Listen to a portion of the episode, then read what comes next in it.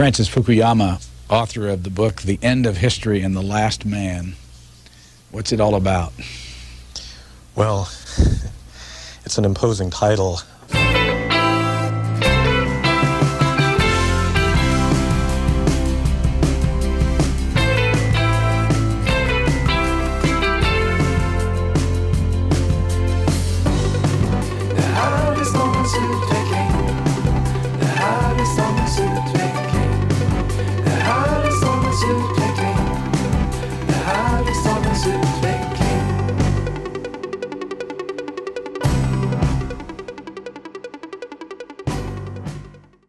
Är Stormens utveckling, en podcast för Aftonbladet Kultur och jag heter Ola Söderholm och eh, jag sitter här som vanligt i Malmö musikstudio och eh, den här veckan så har jag med mig på telefon från Stockholm Mattias Våg. Hej!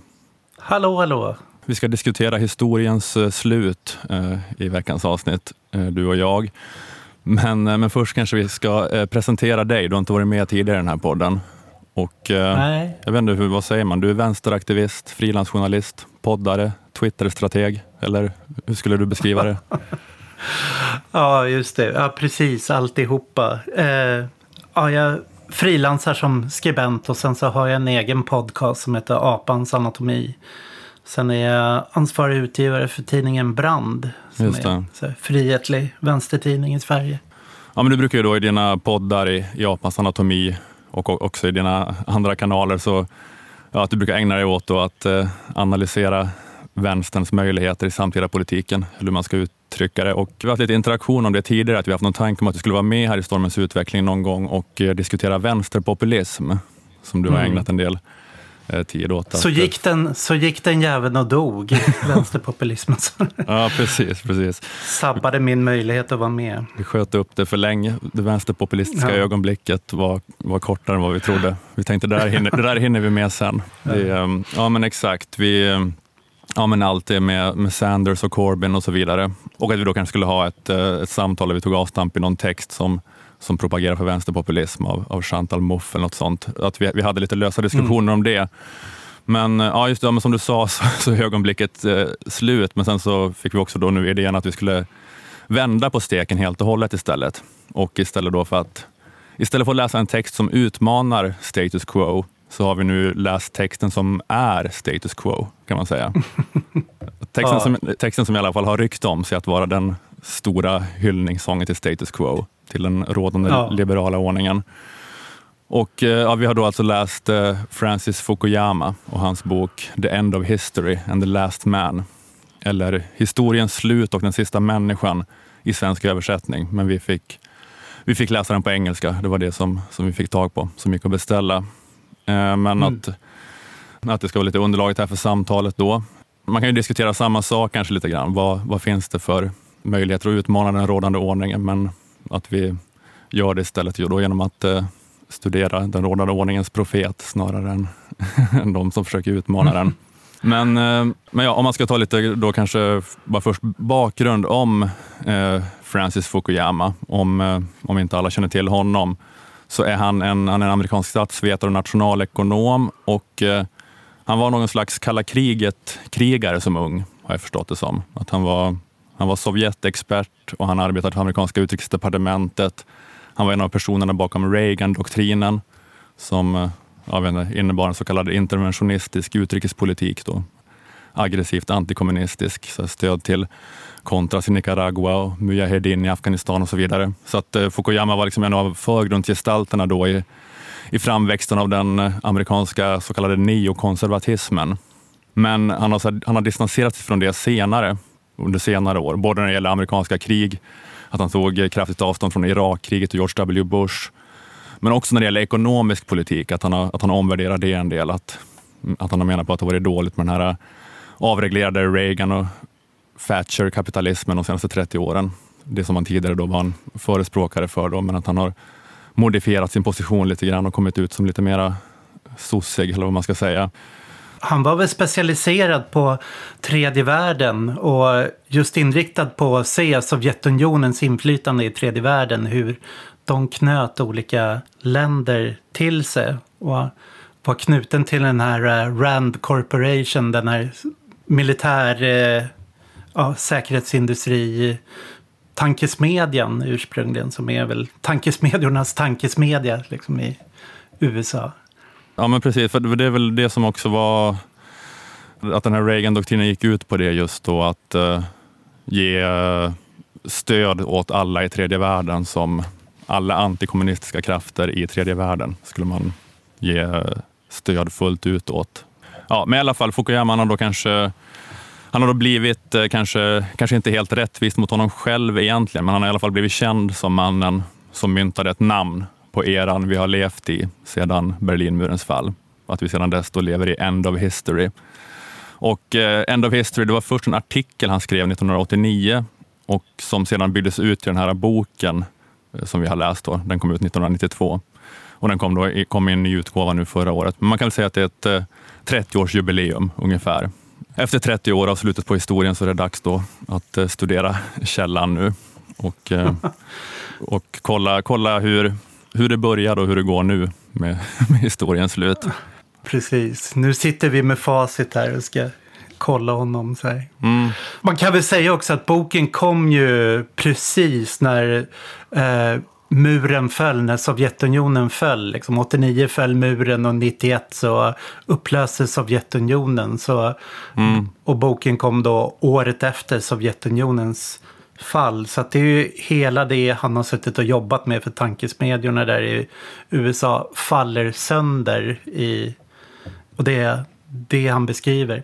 Mm. Jag var lite förvånad när vi läste boken att jag trodde att det var mycket mer det som boken handlade om egentligen. Att han eh, eh beskriva det Sovjetunionens undergång, liksom hans specialområde. Nej men, nej, men precis. Det är liksom inte, han håller inte på med det i någon slags detaljnivå och skriver om det, utan det är inte det den handlar om. Men ehm, ja, men, men det var precis, men vi, vi ska eh, vi, vi återgår nu då till källan. Vi läser källan nu när vi har facit här. 30 år senare är vi fortfarande i slutet av historien. Är ni i vänstern fortfarande chanslösa mot Fukuyama? Eh, hur, hur går det helt enkelt? Lever vi, lever vi i Fukuyamas värld fortfarande? Hur fick du för dig att läsa den här boken egentligen? Att, eh, för jag tänker det är en sån bok som alla känner till och alla tror att de vet vad den handlar om. Att jag är väldigt glad att läsa den för den handlar ju inte alls om det jag trodde den skulle handla om. Eh, men Ja, men det var, jag, tror jag, jag, jag, tror jag tänkte att det var något vi pratade om det här att diskutera vänsterpopulism då och kanske läsa någon, någon vänsterbok som, som du håller med om så tänkte jag att det kanske skulle vara bara intressantare dynamik då att vända på det och läsa mm. det som är ja, det stora, liksom, den stora bibeln för status quo. Eh, eller det var det som var min fördom om hur boken var. Men sen, ja, som du säger så fördomarna om boken stämde inte helt. Den var ganska kul att läsa generellt sett den här boken, eller hur? Ja, ja, ja väldigt, Väldigt rolig. Och det, det är sällan, jag tänker liksom nu när eh, Liberalerna är eh, på väg att åka ut ur riksdagen och det känns liksom inte som liberalismens guldålder direkt eh, som vi, vi lever i just mm. nu. Så här. Det, liberaler närmast blivit ett så här, skällsord. Så, och när man ser så här de tankesmedjor som Timbro och så, då är det mer att de dammar av Ayn Rand eller ja, Adam Smith eller någonting sånt. Men Fukuyama är ju så intressant som, det är ju en intelligent liberal. Jag, jag, jag hade inte förväntat mig det. Nej, men jag, jag trodde också det, för jag tänkte att hans roll i i liksom offentligheten var, eller jag har fått tänkt så här, mina fördomar var att ja, men han är lite mer kanske i den här genren, du vet så här TED-talkig, Steven Pinker, public intellectual. Att, att var, jag tänkte att han är lite mer så, men han är, han är verkligen lite djupare, får man ju ändå säga. Det är mera ambitiöst eh, försök att intellektuellt underbygga eh, sina liberala övertygelser. Ja, men det, det känns ju nästan som en marxistisk liberalism på många sätt. Eh, att han han utgår inte från individen eller eh, idéerna på det sättet utan han, han tittar ju på ekonomin, han tittar på ekonomiska utvecklingen men därtill så är det ju Hegel som är hans projekt och någonstans mm. återupprätta en hegeliansk historiesyn. Ja, men det är Så- väl det, ja exakt, det är väl det just att han är, att han är hegelian som, är, eh, som verkligen skiljer honom från, vad ska man säga, den vanliga angloamerikanska liberala personen. Eh, Men ja, precis, vi, vi får återkomma till det och försöka förklara vad det innebär så gott det går. Men eh, Mm. man kan säga då just den här då ytliga förståelsen av Fukuyama, att de flesta kanske har hört talas om honom, men eh, man, det är få, få som har läst boken såklart och verkligen satt sig in i hans idéer. Men man kan säga att Fukuyama nästan, han är nästan främst känd som en driftkucku. Han är känd som han som hade så himla fel. Och eh, Han hade kanske fel, men inte liksom då fel på det viset som folk tror utifrån den här mest ytliga förståelsen av honom. Att det dummaste missförståndet är då att Fukuyama var han som sa att historien tog slut, eh, men det fortsatte ju hända saker. Alltså hade han fel. Men det var inte det han menade med historiens slut, att det skulle ta slut, att det skulle ta slut på händelser efter att kommunismen föll. Eh, och sen brukar han också kanske ses som någon som förutspådde en framtid av triumfalistisk liberal utopi. Och det är kanske inte heller helt rättvist. Det kanske går att diskutera i och för sig lite mer hur mycket han, han Mm. var en profet för det. Men eh, ja, han är inte så triumfalistisk heller skulle jag väl säga. Ehm, Nej, det är mycket mer vad, vad fan gör vi nu då? över den. ja. Ja, precis. Vi har kommit fram till eh, liberal demokrati, inte liksom som, fram, som att vi har kommit fram till en skatt vid regnbågens slut, utan vi har jagat andra skatter och sen så har vi bara kommit tillbaka till liberal demokrati och ja, ja, det blev det Ja. här då. Och nu sitter vi lite- med alla problemen i liberalismen istället. Så nu är alla problem på insidan, inte några stora system där borta. Liksom, som diktaturer, auktoritära stater och Sovjet som, som man Mm. har att tampas mot. Just det. Ja, men i alla fall det här med historiens slut då, att det handlar väl om att, eh, att Fukuyama menar, det han menar med historiens slut är att det inte kommer något nästa steg efter liberal demokrati. Det kommer inte någon ny social ordning som bättre löser motsättningarna. Att liberal demokrati är slutstationen då. Och det är alltså då att eh, Fukuyama när han pratar om historien så är det att han, han ser på historien som en evolutionär process och att den är linjär. Den rör sig framåt då från en socioekonomisk epok till en annan. Alltså från aristokratiska samhällen, från monarkier och teokratier fram till liberala samhällen och sen kapitalistiska, liberala, demokratiska samhällen. Och att det är en universell mänsklig historia, menar han då. Att hela mänskligheten rör sig i den här riktningen över tid. Och det kan vara bakslag, då, regimer som försöker stå emot den här rörelsen mot teknologiskt driven ekonomisk tillväxt eller stå emot människors längtan efter politiskt inflytande via parlamentarism eller stå emot båda de här två sakerna. Men de regimerna utkämpar reträttstrider som kanske kan vara länge då. De kanske kan vara i flera generationer.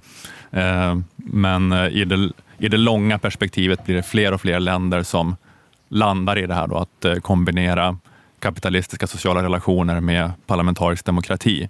Ja, och det är ju någonting som man inte på något sätt förknippar riktigt med liberalism, den här formen av historiesyn. Att se historien som en eh, stor rörelse mot en form av slutpunkt eller fulländande. Och eh, det är ju mer så här förknippat med marxism, att eh, där marxismen ser eh, klassmotsättningarna kommer leda fram eh, kapitalismens utveckling till kommunismens införande som historiens slutpunkt. Men han har ju bara vänt och sagt att eh, det blev den liberala demokratin som blev historiens slutpunkt. Och eh, om eh, Marx vände på Hegel så försöker väl då Fukuyama vända tillbaks Hegel och göra, göra Hegel till en eh, liberal eh, teoretiker. Men är det, kan man säga att det är samma då egentligen som marxisters syn på historien, men att han bara stannar ett steg innan då? Ja, eller att han ser eh, liberalismen snarare som full, fulländar och övervinner kommunismen och de andra auktoritära, totalitära regimerna som uppkommer på vägen under 1900-talet. Så eh, han vänder på det på det sättet. Just det. Det är ju lite som, han beskriver det nästan som, han har en tågliknelse men det är kanske bättre att beskriva det som en, som en flod som rinner det är så här vatten som rinner ner för ett eh, berg och på vägen så kan det ta, det kan ta olika vägar. Det kan fastna och bli fördämningar, det kan bli sjöar. Men de där sjöarna kommer till slut erodera och vattnet kommer röra sig vidare. Och till slut rinna ut i havet som är den här liberaldemokratin. Så att eh, oavsett vilka flodvägar och sjöar och fördämningar som uppstår på vägen eller hur det försöks fångas upp. Mm, Det finns det, det slutmålet historien rör sig mot just det. Mm. Ja, men det är bra. Då tycker jag ändå var lite förbättring av hans tågliknelse. Det var lite snyggare med, med floden. Um, ja, men Fukuyama han tar då eh, avstamp i den eh, tyska tidigt 1800-tal filosofen Hegel och eh, hans idéer om människans strävan efter erkännande som det som driver historien framåt. Eller han utgår egentligen, eller, eller han utgår egentligen från den rysk-franska filosofen Alexander Kojeves tolkning av Hegel. Att, eh, Man får nästan lite känslan av att Fukuyama inte har läst Hegel själv. Eh, Nej. Fast det, det är jobbigt att göra det, har jag hört. Så man, man kanske inte kan klandra honom. Ja. Men det, det Kojeve gör är ju också att eh, Kojeve han tar ju bara ett stycke ur, eh, ur Hegels eh, det stora verket Andens fenomenologi. Och det gör han en läsning av. Och Fukuyamas hela den här boken bygger egentligen då på det där Kojeves eh, läsning av de här några sidor i Hegel. Det är det som är hans hegel, hegelianism. Så han säger ju det, att ja, men det är egentligen mer Kojeves läsning av det som han, han lyfter fram. Ja, han, är liksom, han, han, är, han är tydlig med att han inte eh, i första hand är intresserad av exakt hur Hegel förstod sig själv, utan han är, han är bara intresserad av Kojeves tolkning av Hegel. Då. Den berättelsen om den universella mänskliga historien som Kojeve extraherar från Hegel är han intresserad av, oavsett om den är sann mot en verklig Hegel eller inte. Ja, precis. Men det är det här då med, med strävan efter erkännande, människans strävan efter erkännande. Och att eh, där går han tillbaka till Platon som pratade om den tredelade själen, eller det tredelade mänskliga psyket. Att eh, själen består av förnuft och av begär. Men sedan finns det då den här tredje delen av själen som eh, då kallas eh, tymos, som är den här viljan att bli erkänd, viljan att vara ansedd av andra, viljan att uppnå heder och ära. Och att det är det då, enligt den här Hegel-tolkningen, det är vad som eh, driver historien framåt. Att eh, Mm. det är den här det är den här strävan efter erkännande som gör oss till människor och inte bara mer avancerade djur, eh, kan man säga. Då. Att, eh, för Fukuyama skriver om Hegels idé om den första människan, eh, den primitiva första människan i historien. Att han, att han delade med djuren ett antal då begär, liksom med mat, sömn, eh, begär efter skydd. Men, eh, och, och framför allt begäret att bevara sitt liv eh, delade han med djuren, att, att inte komma till skada eller dö. Men att Hegels första människa skiljer sig från djuren på så vis att han inte bara begär då de här eh, verkliga användbara objekten, en, eh, en stek, en pälsjacka, ett hus, eh, utan han begär också icke-materiella ting. Framförallt begäret att begäras av andra människor. Att han skriver i Fukuyama att en individ kan inte bli medveten om sig själv som människa utan att erkännas som det av andra människor. Att människan var från början en social varelse vars känsla av egenvärde var då intimt förknippat med värdet andra personer satte på honom. Och att det skiljer sig då från djurs socialitet. Att bara människor kan begära saker som är helt värdelösa från ett biologiskt perspektiv, som en medalj eller en fiendes flagga. Mm. Ehm, människan begär inte de sakerna för deras inneboende egenskaper utan för att de sakerna begärs av andra människor. Och så pratar han om det här då att Hegels första människa eh, ville bli erkänd som människa och att det då som konstituerar människans identitet, eh, den mest liksom fundamentala och unikt mänskliga egenskapen, det är människans förmåga att riskera sitt eget liv. Eh, att eh, första människans möte med andra människor eh, ledde till en våldsam kamp eh, där varje deltagare försöker få den andra att erkänna honom genom att riskera sitt liv. Att, eh, att det är det då, att människans socialitet leder inte till, till ett fredligt eh, samhälle med en fredlig samexistens utan till att människan ger sig in i en våldsam strid till döden för bara prestige. Att, eh, att, det, att det är det här då, den första mänskliga handlingen, att vara redo att dö bara för prestige. Och det ska ju inte ses då som någon historiskt skeende att det här är en första urstrid som har hänt. Utan det här är ju mer en så här, beskriva, beskrivande sätt att eh, gestalta de här eh, konflikterna. Mm, Hur eh, självmedvetande utvecklas genom historien. just det. Eh, och det, ja, men och det här då att riskera livet i blodig strid eh, var då det som startade historien enligt den här då Hegel-tolkningen. Att, eh, I och med att det då ledde fram till relationen herravälde och träldom. Att till eh, Mm. relationen herrar och slavar. För att den ena då kombatanten i den här eh, striden, för den ena kombatanten blev begäret att bevara livet viktigare än strävan efter erkännande. Så att eh, han valde då att underkasta sig och acceptera ett liv i slaveri. Så då uppstod det då i det primitiva samhället ett eh, klassamhälle som utgick från ens inställning till att dö en våldsam död. Eh, kan man säga. Att samhället var uppdelat i herrar som var redo att riskera livet och slavar som inte var det. Och, att- Herrens erkännande kommer då från slaven. Så Herren får sitt erkännande genom den andre, genom slaven. Det är, Mm. det är där erkännandet kommer utifrån, från andra. Just det, precis. Också även om det här då är liksom, eh, jag tror jag nämner också det då att, eh, att det här visas eh, av att krigaretoset har alltid varit det centrala i aristokratisk kultur i alla samhällen.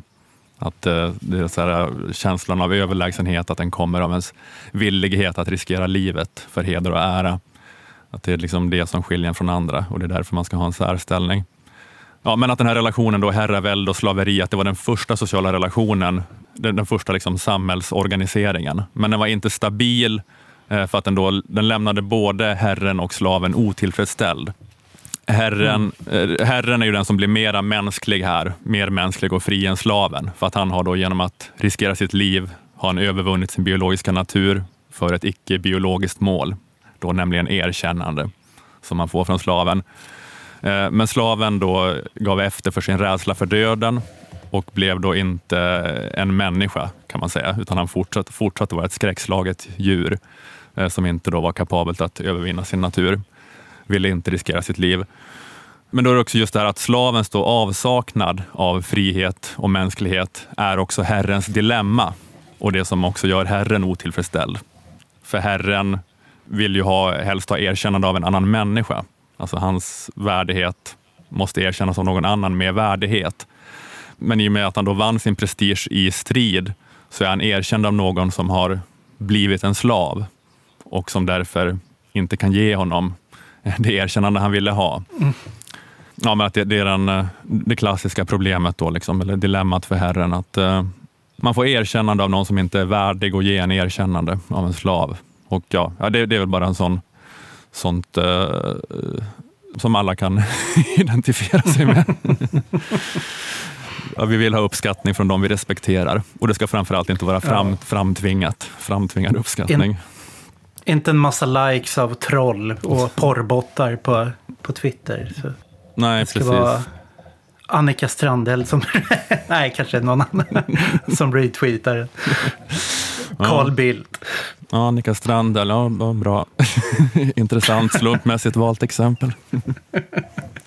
På person som är värdig att ge en erkännande. Nej men precis, det är ju, ja, men exakt, det just att jag, att de som gillar mina tweets på Twitter, det är inte mina livegna bönder som jag som en eh, aristokrat äger. Det gör ju att likesen blir mer värda för mig då kanske. Att det är fria Mm. individer med värdighet som, som gillar mina tweets på Twitter. Men, ja, men precis, så- så att den här, då, eh, den här motsättningen i eh, herre-slavrelationen, den här motsättningen då i det aristokratiska samhället, att den genererar då en, en impuls mot en fortsatt historisk process. Att det uppstår en historisk framåtrörelse eh, som då innebär då att, eh, menar, att ett samhälle, en social organisering går under för att den då inte kan hantera sina inbyggda motsättningar. Och det leder till att en ny social organisering som kan hantera de motsättningarna uppstår. Men sen i det här nya samhället uppstår det nya då, finns det kanske nya inbyggda motsättningar. och då överges den organiseringen för ytterligare ett nytt samhällssystem. Så att man, kan då, Mm. att man då kan se på världshistorien som en dialog eller tävling mellan olika regimer och sociala organ- organisationer som, Mm. som vederlägger varandra. Men det finns eh, en eh, viktig till del där och det är att det som är historiens motor är inte Herren. Just det är det. Mm. slaven som är det. Och det är det att eh, det sättet som slaven till slut kan få erkännande att slaven är den, Herren kan inte utvecklas, Herren är statisk, den har liksom fått sitt bekännande där, kan inte göra något mer. Men slaven är den som arbetar, som kan genom sitt arbete, hos Hegel och Kojeve då, eh, förändra sitt värde. Han kan eh, förändra naturen, han kan skapa saker och han kan eh, utbilda sig. Han har en potential att växa. Och eh, Herrens erkännande då genom är, blir ju genom slav, inte bara slaven utan slavens arbete. Det är det som, som gör honom rik eller gör, ger honom genom sitt värde. Att det, kommer, det kommer från slaven och det gör ju att då slaven är den här dynamiska i den här relationen som växer och det kommer komma till en punkt där slaven till slut eh, utmanar och välter den här relationen. Att herren inte kan vara länge, eh, herre längre för att slaven har blivit så så, eh, ja, men haft så mycket potential och utvecklats i den här relationen. Och det där som är motorn i historien. Att Det här är ju någonting som Kojeve, det är ju inte Fukuyama främst som har plockat fram honom utan det är ju eh, Simone de Beauvoir och Frans Fanon bygger ju allting på det här med Kojeve. Att det, det andra könet, det är ju att se då att eh,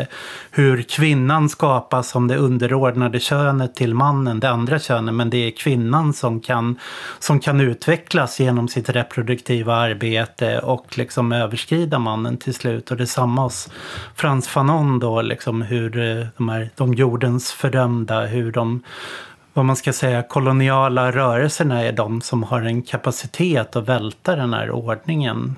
Det, Mm. Exakt, att det är, eh, att det är slaven som, som då liksom återvinner sin mänsklighet eller får sin mänsklighet genom arbetet. Och eh, att det är motorn i historien, exakt. Att det är liksom inga aristokrater som...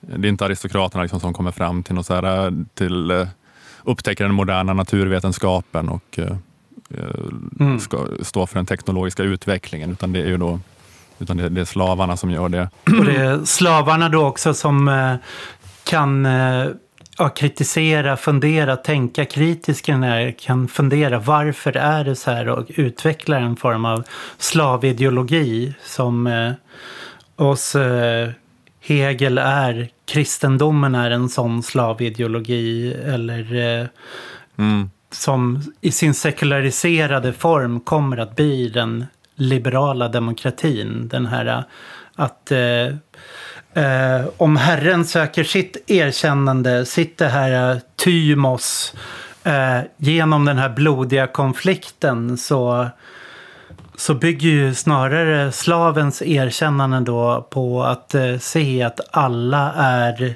likvärdiga. Att det, man utvecklar en ideologi kring eh, att erkännas i sin likvärdighet. Att där finns ett universell eh, drag som, eh, som Fukuyama lyfter fram då, det här universella anspråket där.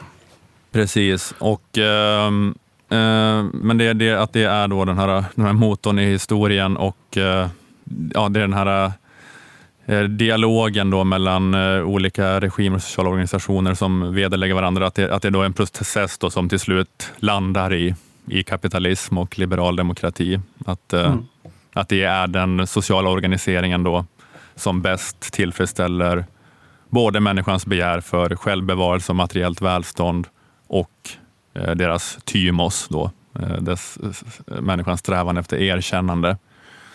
Men, För om, man eh, för om man lägger det där på historien då och ser, eh, ser utvecklingen av eh, historien, utvecklingen av kapitalismen så det han kritiserar är ju andra liberala ekonomer och tänkare som bara ser att det här är en, det är en fråga om förnuft och begär. Att det att det är en fråga om bara vetenskap och ekonomi, att det kommer gå åt det här hållet. Och han, Fukuyama lyfter ju fram att så här, men ekonomin kommer gå åt eh, i riktning mot den liberala demokratin. Att eh, för att utveckla en eh, ekonomi av skala så behöver du eh, få folk att flytta in i städerna, du behöver få ett eh, skatteupptag, du behöver någon form av stater som kan göra någon form av planering.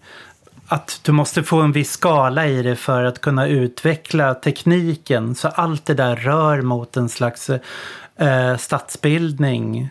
Men han menar att det här kan inte i sig förklara varför det ska gå mot en liberaldemokratisk utveckling. Det kan ju lika gärna ta, mm. alltså den här kapitalismen kan ta andra vägar då än just till demokrati. Ja, att han menar just det att det, liksom, det naturvetenskapliga genombrottet och den vetenskapliga metoden blir en mekanism som liksom då eh, ofrånkomligen leder mot Eh, industriell tillväxtekonomi i förlängningen då kan man säga. Men mm. precis, men den behöver inte vara demokratisk. För att det är då att den här då universella slutgiltiga staten eh, som uppstår vid slutet av historien, då den här Fukuyama, eh, Hegel, Koives liberaldemokratiska stat, att, att den staten då eh, vilar på de två pelarna ekonomi och erkännande. Att det är det som då skiljer Fukuyama, Koive, Hegel från den här anglosaxiska eh, traditionen av liberal politisk filosofi med, med Hobbes och Locke och sedan de amerikanska grundlagsfäderna. Att han skriver om det, att Hobbes och Locke, för dem var det här tymos, strävan efter erkännande, det var, det var absolut inget som skulle bejakas på något sätt, utan det skulle undertryckas. Att eh, aristokraters och prinsars eh, stolthet och strävan efter heder och ära, det var liksom källan till allt elände. Så Thymos skulle raderas då helt och hållet eh, och det politiska livet skulle bara organiseras utifrån begär och förnuft. Man skulle helt enkelt eh, ja, man skulle helt och hållet prioritera den delen av det mänskliga som söker självbevarelse eh, före den delen som vill riskera livet för ära.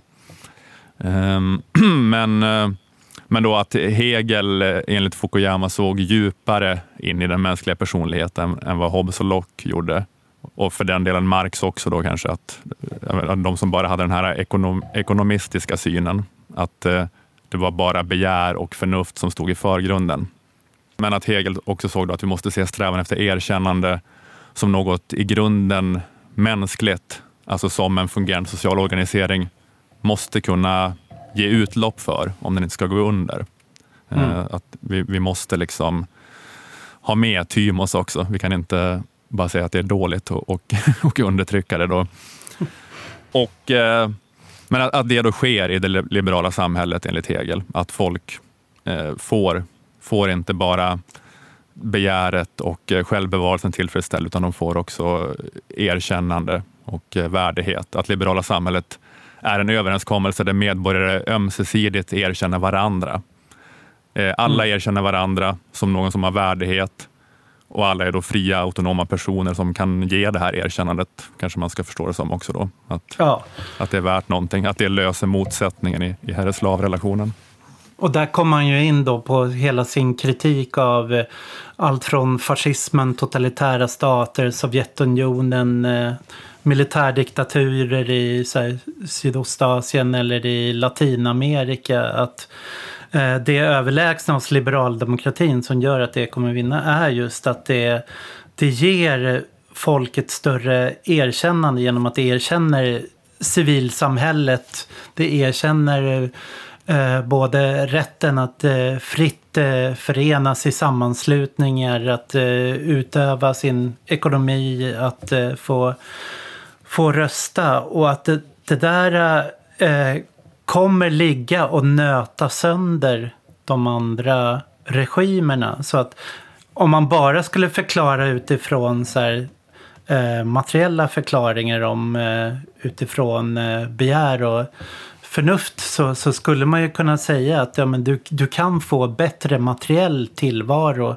även i totalitära regimer. Du kan även få en eh, progressiv kapitalistisk utveckling i eh, i totalitära regimer som, eh, som bedriver Mm. en form av ekonomisk planering eller stimulerar ekonomin på, på, på vissa sätt. Att eh, befolkningen får ökad levnadsstandard. Men eh, befolkningen har fortfarande inget erkännande i det här och det kommer...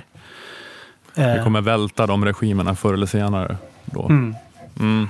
Ja men exakt, för att det är ju just det här att, Fuk- det, att Fukuyama menar att det här med att människor inte bara är begär och förnuft utan också tymos, också kräver det här erkännandet, er, bli erkända som värdiga. Att det, att det visas av att eh, auktoritära regimer, eh, de- de välts också även om de är ekonomiskt välfungerande. Eh, För att han är lite förvånansvärt att, nästan att han är så öppen med det, att han, han anser att det inte finns någon ekonomisk rationalisering för demokrati. Att, eh, han skriver till och med att om något är demokratisk politik ett sänke för ekonomisk effektivitet på grund av dumma kortsiktiga krav från, från pöbeln.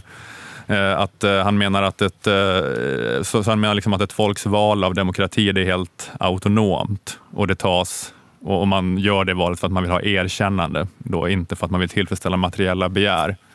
Eh, Däremot är det så att ekonomisk utveckling kan öka chansen för krav på demokrati för att det kan bli en bieffekt av att man till exempel måste ha en mycket mer utbildad befolkning och så vidare. Man skapar en stor medelklass som eh, kanske kommer börja ställa de här kraven. Men han skriver just det att, att om människor inte var något mer än begär och förnuft, då hade de varit tillfredsställda med att leva i militärjuntan i Sydkorea. Så att han har det som ett konkret exempel. Den hade väl precis störtats tror jag när han skrev den här boken. Att den militärdiktaturen tog slut 87. Eh, Men att den junta, alltså den, den regimen hade ju levererat supertillväxt i Sydkorea. Alltså, det, hade, det gick ju jättebra på det viset. Och så har det varit ganska mycket med de här asiatiska tigerekonomierna då att mm, Taiwan var också auktoritärt och eh, hade jättehög tillväxt och levererade materiellt välstånd. Även eh, sådär, Franco, Spanien hade sån effektiv teknokratisk administration. Men folket i de här länderna, att, ja, de har också då en så här tymotisk eh, stolthet och ville bli erkända. Så att det, det räckte inte. Ja, men att det, att det är det som sker i den liberala demokratin då, att eh, att det, att, det ska, att det ska lösa den här motsättningen i den här herre-slavrelationen. Alla blir herrar, inte över andra, men över sig själva. Och alla har värdighet, eh, så deras erkännande är därmed värt något, till skillnad från slavens erkännande. Mm. När man bara blir erkänd av det här patetiska djuret, utan du blir, blir erkänd av eh, fria människor. Att det är eh, Hegels eh, sista människa då. Eh, herren är inte bara erkänd av de som saknar människovärde och slavarna är inte längre förnekade all mänsklighet. Att det liksom blir en syntes där då i Mm. Hegels sista människa. Och då, då sitter man där plötsligt och har kommit då till historiens slut och funderar Ja. på, ja, vad gör vi nu då? Så här. Att, eh, å ena sidan så ser han ju att historiens slut inträffar inte samtidigt över hela världen. Utan Nej. att eh, delar kan fortfarande befinna sig i den historiska världen. Att de eh, eh, inte har nått den här fulländade liberaldemokratin. Medan andra delar har trätt in i den här posthistoriska världen. Och det kommer det. alltid då vara som en påtryckning för de som lever kvar i eh, olika former av socialistiska eller totalitära regimer kommer alltid sträva efter och se till att de vill ha det som de har i den här posthistoriska världen då, den, de som lever i, i historiens slut. Och, Vi står liksom på slutstationen och, och väntar in de andra. Eh, Vi, jag, jag gissar att vi är i posthistoriska världen. Va? Eh, och det är där Men- hans bok är lite, den är skriven liksom för, vad blir det, 30 år sedan. Han står och räknar in dem en efter en som kommer in i den posthistoriska follan. Så här, japp, där kom Ryssland, japp, där kom Östeuropa. Och nu har vi Latinamerika, nu har vi hela Sydostasien. Så här, välkomna, välkomna in i så här, Sydeuropa har redan kommit. Så här, nu är ni alla med på den här. Ja, in det till var här några- stationen. några bakslag där kanske då, att han räknade in, räknade in vissa av dem lite snabbt.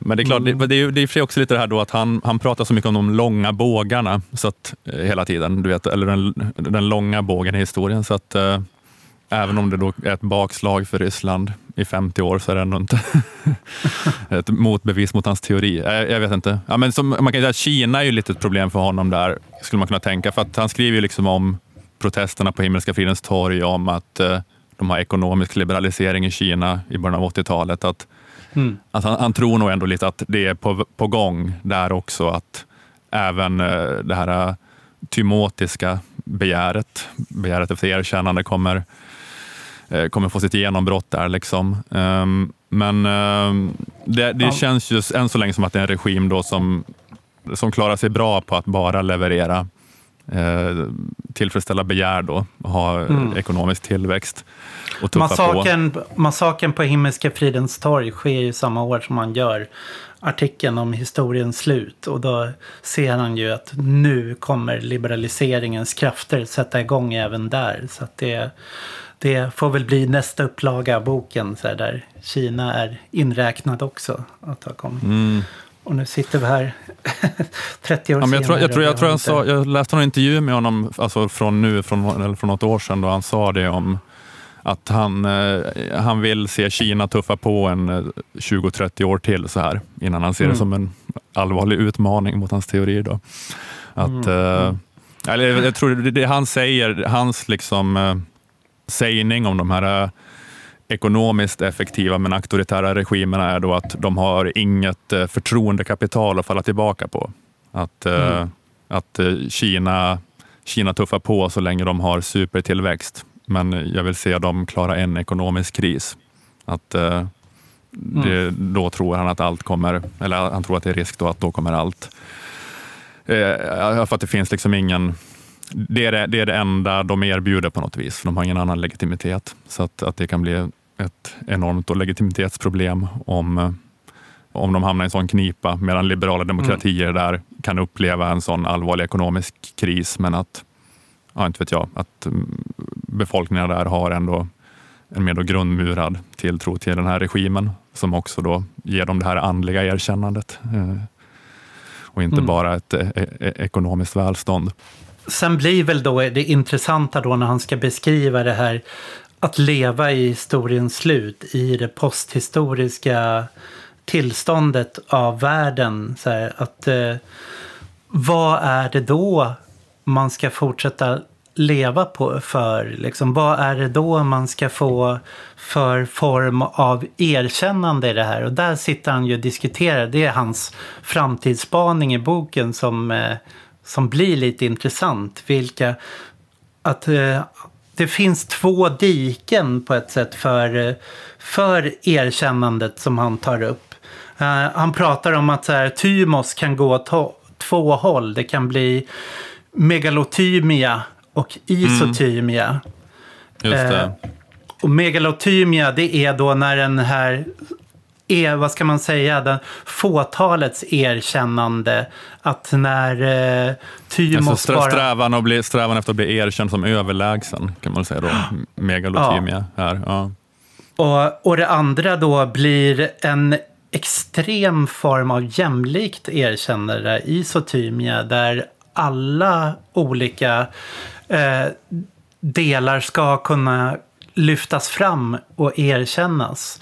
Eh, för när han pratar om det som, som universella rättigheter, som det, det är det erkännande formen som den eh, liberala demokratin har att ge. Att du, har, du har rätt till eh, egendom, du har rätt till skydd, du har eh, friheter, att du kan uttrycka din eh, politik. Det är alltså att du erkänns på det sättet. Men sen har du ju olika former av kollektiva krav på erkännande. Och här, här kommer man ju in på hela det som vår tid är så besatt av att diskutera med identitetspolitiken. Så här, att eh, identitetspolitiken, ett annat namn för det är ju erkännandet, erkännande politik, liksom erkännandets politik. Att det, eh, och han ser ju hur det här då kan spinna iväg i hur olika former av erkännande kan hamna i konflikt med varandra. Dels att du har då de här megalotymia, de här som vill ha det här supererkännandet, att de ska eh, förr var det prinsar och furstar som, som slogs om att få det här. I, och nu, nu Mm. finns inte det längre. Att det den vägen finns inte kvar. Du kan inte bli en diktator längre. Du kan inte bli en stor krigare. Men däremot så kan det ta andra former idag då som kan Mm. vara destruktiv för den liberala demokratin. Eh, Men den sista delen av boken eh, som har, har rubriken eh, The Last Man, och då, den, disk, ja, den dis- diskuterar, ja, det är just de här framtidsspaningarna då, den, som du var inne på, och den diskuterar om, om det verkligen är så att vi är framme vid den sista människan, att historien är slut. Och han, är- och han är väl kanske egentligen inte så tvärsäker då och trium, triumfatorisk kring det som, som ryktet om honom har gjort gällande. Eh, Men då är det att han tar upp olika Ja, alltså, den mest uppenbara kritiken av att det liberala samhället skulle vara slutstadiet är, väl, är, ju, är ju Karl Marx. Då, att, eh, att eh, liberalismen erbjuder inte alls universellt erkännande och den misslyckas då med att lösa en fundamental motsättning, eh, nämligen klasskonflikten. Att det liksom är då attacken från vänster på eh, att eh, universellt ömsesidigt erkännande det fortsätter att inte vara uppfyllt i det liberala samhället eftersom att ekonomisk ojämlikhet frambringad av kapitalism per definition innebär ojämlikt erkännande. Och, eh, Fukuyama ägnar inte så värst mycket tid åt att diskutera den kritiken egentligen. Eh, han, eh, jag menar, som att han anser att han har misskrediterat sig själv bara då med jag menar, de senaste då 70 årens kommunistiska projekt kanske, att försöka pådyvla så mycket jämlikhet så att man utrotar friheten. Eh, och, eh, och den andra kritiken då mot den här hegelianska liberalismen eh, som man tar upp i, är den, den nietzscheanska kan man säga. då. Att, eh, att Nietzsche menade att eh, att det liberala samhället eh, inte alls var en syntes av Herrens och slavens moral, utan att det var en total seger för slaven.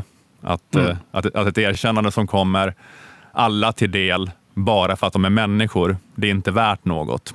Utan Nietzsche menade då att eh, storhet och storslagna bedrifter kan bara existera i ett aristokratiskt samhälle. För begäret eh, att erkänna som överlägsen alla andra, det är liksom det enda sättet att bli överlägsen sig själv också, att överträffa sig själv. Och det begäret är liksom inte bara basen för, att, för krig och erövring, om man är någon sån forntida härförare, utan det är även liksom basen för konstnärligt skapande. Så här, det kan inte finnas, till exempel, det kan inte finnas stor konst i det här jävla slavsamhället. Ingen kommer Eh. vilja vinna Mello längre om det. Utan det, Ja, precis alla kommer att vara nöjda och få samma placering.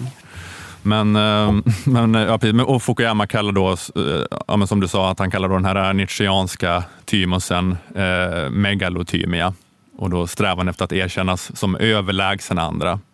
Eh, medan då det här isotymia är strävan efter att erkännas som jämlik alla andra.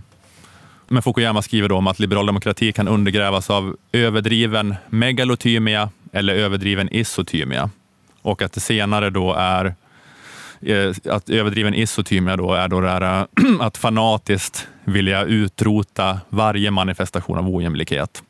Mm. Att det kanske, jag vet inte om det är det han kanske menar då precis har skett när han skrev eh, det här, eh, alltså att det kanske är det som har skett då precis med Sovjetkommunismen när han skriver det här, att det är det han menar med, med avseende på ekonomisk ojämlikhet.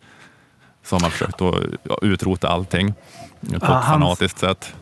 Hans spaning där är ju att eh, han tänker att den vänster som kommer uppstå nu kommer nog inte vara en ekonomisk vänster utan den Nej. kommer inrikta sig på att försöka kräva eh, erkännande på alla områden istället. Och så tar han den amerikanska akademiska vänstern då 1992 att det redan är inne på det.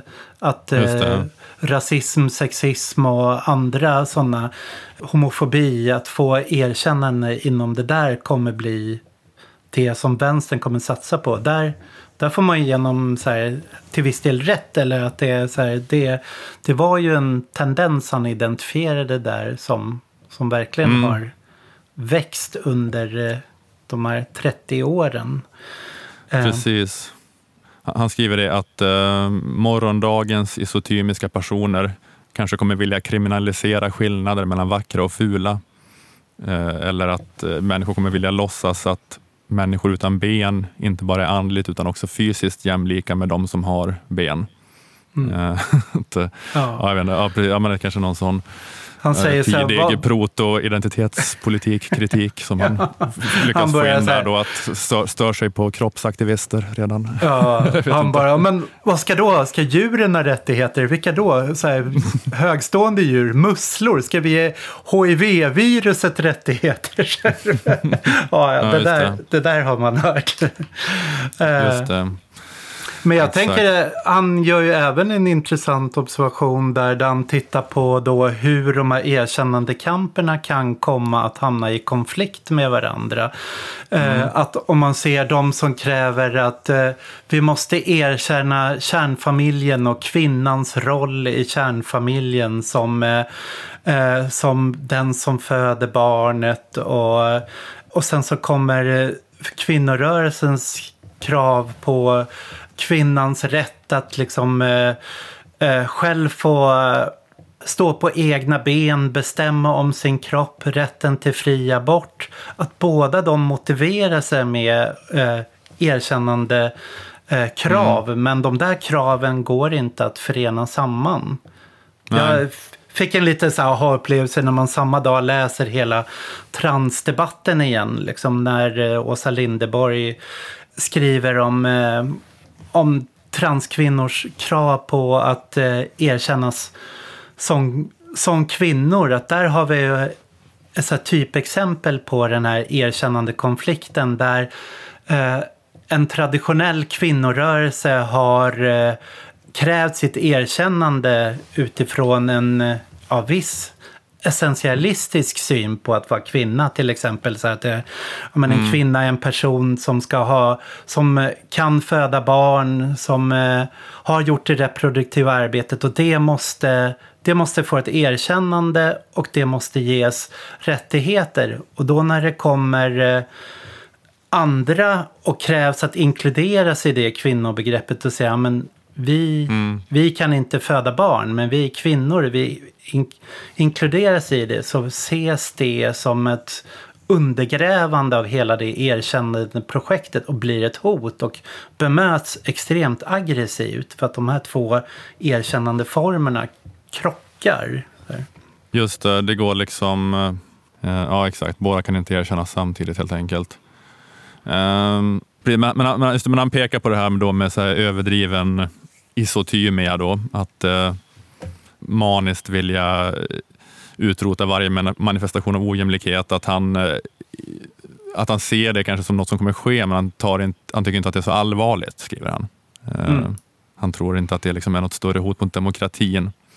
Eh, han skriver att det är inte något större hot mot demokratin i det långa loppet för att sådana personer för att fanatiskt vilja utrota all ojämlikhet, att det alltid springer in i naturens begränsningar.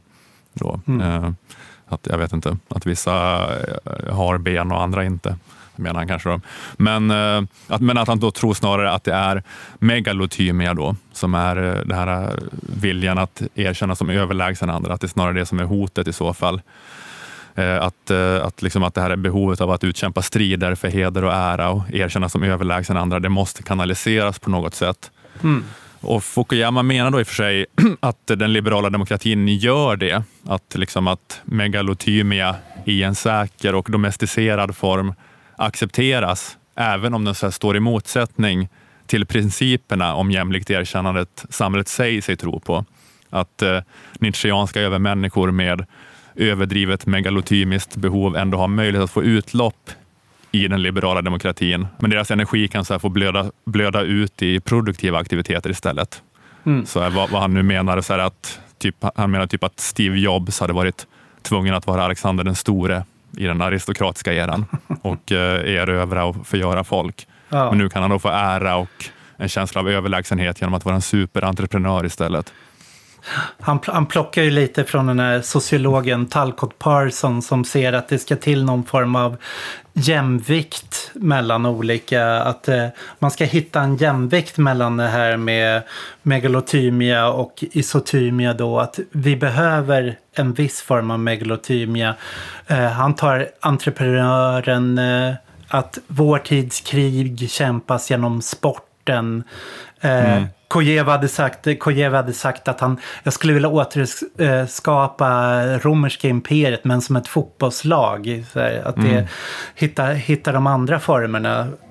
Han tar som exempel så här att ja, men vi har ju entreprenörer som Donald Trump och politiker som George Bush som, som eh, är exempel på de här megalothymia då här 1992, liksom, men som är balanserade och hålls i schack. Eh, medan eh, som kan kontras av att det finns här, de här isotymiga, de rörelserna som samtidigt strävar efter jämlikhet men, men som inte får gå för långt då åt andra hållet. Men det är lite just det att han pratar just om att affärsvärlden är de som ska eh, kanske framför allt absorbera de megalotymiska individerna. Men, ja, men kanske också då att de kan bli kändisar, idrottsstjärnor. Eh, Men att alla former av megalotymi är tillåtna, förutom de som leder till politisk tyranni. Men, att, ja, men just med att det är lite lustigt just att han i den här boken, då, skriven för 30 år sedan, nämner Donald Trump som en sån gränslös person som får utlopp för sin megalotymi som affärsman och, och byggherre och inte behöver, inte behöver bli en destruktiv statsman. Eh, då. Det, ja. Ja, han, han säger ju som en form att det här kan även ta inom eh, konst eller vad som helst. Men att då, det då får bli snobbism. Oavsett någon eh, hipsterkultur över det. Att du kan, få, eh, du kan få stoppa korv, du kan få göra teceremonier, du kan få göra allting till din fulländan och sitta och visa hur fantastiskt bra du är på det. Men ja, det kommer ju inte det. in i politiken utan där, där kan du fortfarande vara den eh, erkänd som den bästa av ditt slag. Ha snyggast skägg. Ja, exakt. Ja, men att, han er, att han erkänner det, liksom då, eller att, att Nietzsche har rätt i liksom, att ett samhälle kan inte fungera utan att tillåta megalotymi. Men eh, att eh, man ändå inte behöver omfamna då Nietzsches eh, förakt för demokrati och jämlikhet på grund av det, utan att det ska gå att kanalisera det liksom, genom att eh, eh, folk får vara Silicon Valley douchebags eller något i, Ja. i, vårt, i vårt samhälle. Utan att trilla tillbaks till att vara den första människan där det ska till den blodiga kampen, kampen om liv och död. Eller att bli den sista människan där bara all jämlikhet har gjort det rätt till likgiltighet. Han, han beskriver det som att, eh, att vi blir som hundar. Att eh, en, en hund bryr sig inte om liksom, om det går bättre eller sämre för en annan hund eller vad som sker i huset bredvid. Utan den, eh, den bryr sig inte om status eller privilegier utan den är bara nöjd med sin tillvaro. Liksom, att den får sina begär tillfredsställda och sitt skyddsbehov tillfredsställda. Och det är det som skulle bli den sista människan. Mm, precis, eller, eller det, är liksom, det är det som inte kan bli den sista människan. Eller det, eh, eller det är den sista människan om man, förs- om man tror att man kan förneka Mm. Tymos. Hoppas folk inte blir för uh, less på att höra begrepp som megalotymi och isotymi här. Det är, svårt att prata om det utan att, utan, att, utan att försöka ta upp dem och definiera dem. Men jag förstår att det kan vara sånt som man zonar ut Men när har vi- hör. Nu har vi läst 350 sidor där de förekommer på varenda sida. Så nu är det här vår, vår vardag. Nu Mm. Ja. befinner vi oss i slutet på, på historien. Mm, precis. Ja, jag vet inte. Ja, men nu, har vi, nu kan man säga att vi har eh, försökt gå igenom de här 350 sidorna i den här boken. Då. Mm. Det är inte helt fullödigt, men vi har gjort ett hyfsat försök nu att sammanfatta innehållet och tesen. Men eh, ja, är, är, historien slut? har, har han rätt? Vad, vad, är liksom, vad, är, vad, vad är den politiska turbulensen vi ser idag? Eh, Ja. Beror den på inbyggda motsättningar som kommer undergräva hela systemet? Eller är det snarare bara problem som kan lösas inom systemet? Det är både och att han har ju på ett sätt rätt att alla har blivit liberaler. Men när alla har blivit liberaler så är det ingen som kallar sig liberaler längre. Att det, vi har liberalkonservativa och vi har liberala socialister. Men det som inte finns med i och med att eh, eh, jag, jag lyssnade på en podd där han var intervjuad och de hade som invändning mot det att ja, men marxister de brukar alltid säga att de är bakom varje konflikt, bakom varje kamp. Så att du tror att den här frågan handlar om din hudfärg eller att eh, eh, du ska få eh, gå på den här sortens toalett. Men egentligen så är det en ekonomisk motsättning bakom. Det här är bara en klasskamp bakom. Men han vänder på det och gör allting så här till erkännandekamper. Att, att du tror att den här fackliga striden handlar om att du vill ha bättre lön och bättre levnadsstandard. Men egentligen vill det bara att du vill ha erkännande för, för ditt arbete. Och du vill ha erkännande som arbete. Att allt reduceras till de här erkännandekamperna. Och då, om man ser vad som har skett de här 30 åren sedan han skrev boken någonstans här. Om, man, om vi tar bara det du brukar prata om här i, i podden om så här, men klimatförändringarna.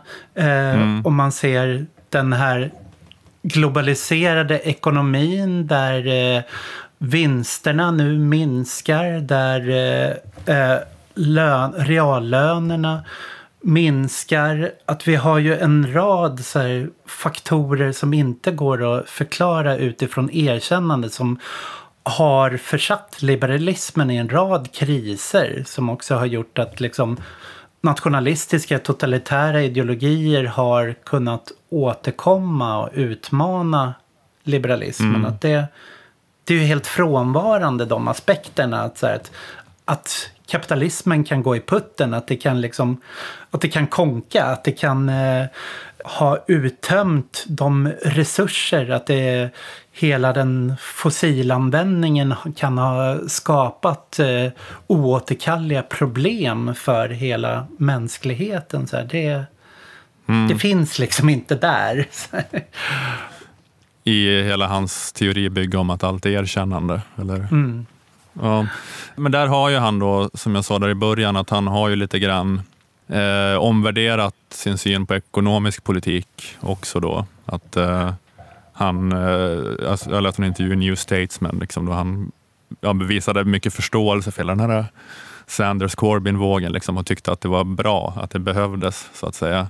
Eh, fast det, men det är ju liksom, så är det kanske rent allmänt att det är en så här, ny nationalekonomisk ortodoxi som är på väg in som är mer socialdemokratisk, eller vad man ska säga. Eh, Fast det är, ju, det är ju ändå inte ett, ett eh, vederläggande av historiens slut-tesen så att säga. Att, Nej. eh, att vi kommer ha en mera, lite mer sossig kapitalism nu kanske framöver. Utan det är ju snarare då att det kanske är ett problem inom systemet med den här galopperande ekonomiska ojämlikheten och jag vet inte, svaga staterna som inte kan lösa olika problem så att det behövs eh, justeras lite grann till vänster. Men det är ju inte då- men det kanske är ett problem och inte då så att säga en inbyggd motsättning som, som välter hela systemet utan det är ett problem som Fukuyama till exempel tycker vi kan lösa genom att skruva, skruva lite åt vänster. För han skriver ju hela den här boken mitt i nyliberalismens genombrott. Och Någonstans, jag tänker att det, är bra att läsa den här boken mot eh, Naomi Kleins chock, chockdoktrinen som någonstans blir, hur gick det sen efter den här boken? Så här, vad, när de här länderna i Östeuropa, i Ryssland, när eh, regimerna i Sydamerika föll. Vad var det för liberala chockdoktriner som sattes in och vilka motreaktioner kom det att skapa i form av eh, eh nationalistiska rörelser? De bitarna finns ju inte där. Däremot som man, alltså det finns ju så här folk som på Arena, Per Wirtén, han beskriver liksom eh, att det har pågått eh, de här senaste 30 åren en rättighetsrevolution. Och Nancy Fraser, en feminist, hon kallar det för progressiv nyliberalism. Att det är nyliberalism som har gett utrymme för att ställa vissa krav på eh, lika behandling och kräva jämlikhet i en rad frågor. Det, det förklarar ju verkligen hans bok, eller utifrån den här eh, formen av liksom erkännande. Att det, det fångar upp den här liksom progressiva sidan av nyliberalismen men det missar hela liksom chockdoktrinsidan av nyliberalismen. Det, det förekommer inte där för det, det är inte en rationell eh, liberal demokrati att göra så riktigt enligt honom. Nej, nej men exakt. Det, det, den är ju eh, att, precis han förutspår kanske den här eh, rättighetskampen och eh, han ser inte där när han skrev den här boken för 30 år sedan att det ekonomiska kan bli ett problem på det viset alls nästan, utan han oroar sig snarare då efter nästan någon så här Ja, ja men det är som han säger, så att, det, att de här liksom problemen då med det här megalotymiska, destruktiva megalotymiska med liksom folk som vill omkullkasta ordningen. Det tror han inte kan liksom uppstå på grund av ekonomiska problem, utan det är snarare på grund av någon slags nihilism inför att man bara känner leda inför att det inte mm. finns några storslagna kamper för att historien är slut och vi lever här i den här liberala demokratin där allt är rätt eh, bra och vi är tillfredsställda. Och eh, att, jag vet inte, man tar upp så här, som de var i Paris 68, så här, bortskämda övre medelklass norungar som bara vill att det ska hända något episkt. Och eh, så bara hittar de på någon strid, hittar på att de är maoister. Det är inte så noga, de vill bara, vill bara jävlas. Liksom. Att, det, att det är den typen av eh, nihilistiskt eh, uppror som han tror kan bli problemet liksom, i historiens slut. Och mm. snarare att eh, Eh, jag, vet inte vad, jag, vet, jag vet inte hur mycket han omvärderar det, liksom, om han ser, om han fortfarande idag skulle säga att det är förklaringen till att de är nationalister i Östeuropa eller, eller whatever, du vet, eller ifall han skulle erkänna att det är baksidan av eh, ja, chockdoktriner som, som du säger och, och mm. att eh, ekonomin inte har funkat så bra som den ska. Jag vet, jag vet inte exakt hur han ser på det idag. Han verkar ha omvärderat lite grann i alla fall sin, ja. sin syn på nyliberal ekonomi och så. Hans senaste bok handlar väl Identity om just identitetspolitik. Men det man får intrycken av i den här boken är ju bara att det här är nationalismen har kommit att göra en irrationell kanalisering av, av det här erkännandet. Att fånga upp att man ser att eh, eh nationalism eller religion är sådana konserverande krafter på ett sätt som kan hindra den här tillfälligt den eh, liberaldemokratiska liksom, progressiva historiska framåtskridandet. Och att de, de har fångat upp det missnöjet och låst det för stunden men det här kommer låsas mm. upp och rinna vidare. Liksom. Just det. Det är också eh, ett annat, egentligen eh, en annan grej man kan reda ut med den här boken då, apropå just bara historiens slut, är ju det här med eh, att det handlar inte heller egentligen om att historien tog slut 1989, för att det var egentligen bara en bekräftelse. historien tog slut 1806, får man ju reda på när man läser den här boken. när, när Napoleon vann slaget vid Jena. Ja. då, för, att, för att franska revolutionen, de idéerna var de idéerna var, var slutet. Liksom. Ingen kommer komma på bättre idéer för organiserat samhälle än vad, som, vad man kom på då i franska revolutionen. Och när Napoleon besegrade tyskarna, då, preussarna, vilka det var i slaget vid Jena 1806, så var det, ja, det var ju att Hegel befann sig i Jena, så då kom de dit. Men då, mm. ja, de, de idéerna spreds då i Europa med eh, Napoleons arméer. Så att, eh, historien mm. tog slut 1806, så det är egentligen inte 30 år med historiens slut, utan det vad är det, 215 år nu. Um, det är när eh, Napoleon kom ridande på sin häst där så sa Hegel att där är eh, den här historiens ande som personifierad i, i hans rytt in där i Jena.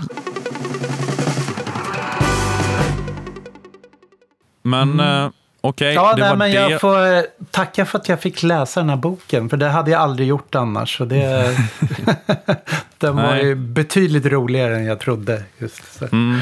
Med spåret ja, ja, men den är mm. faktiskt, den var, den, var, den var rolig att läsa. Det var liksom, uh, han är ju en rätt bra skribent. Så där. Den är inte, den är mm. inte så träig att läsa. Och den var ja, mera, mera djup och spänst än vad man hade kunnat mm. tro kanske.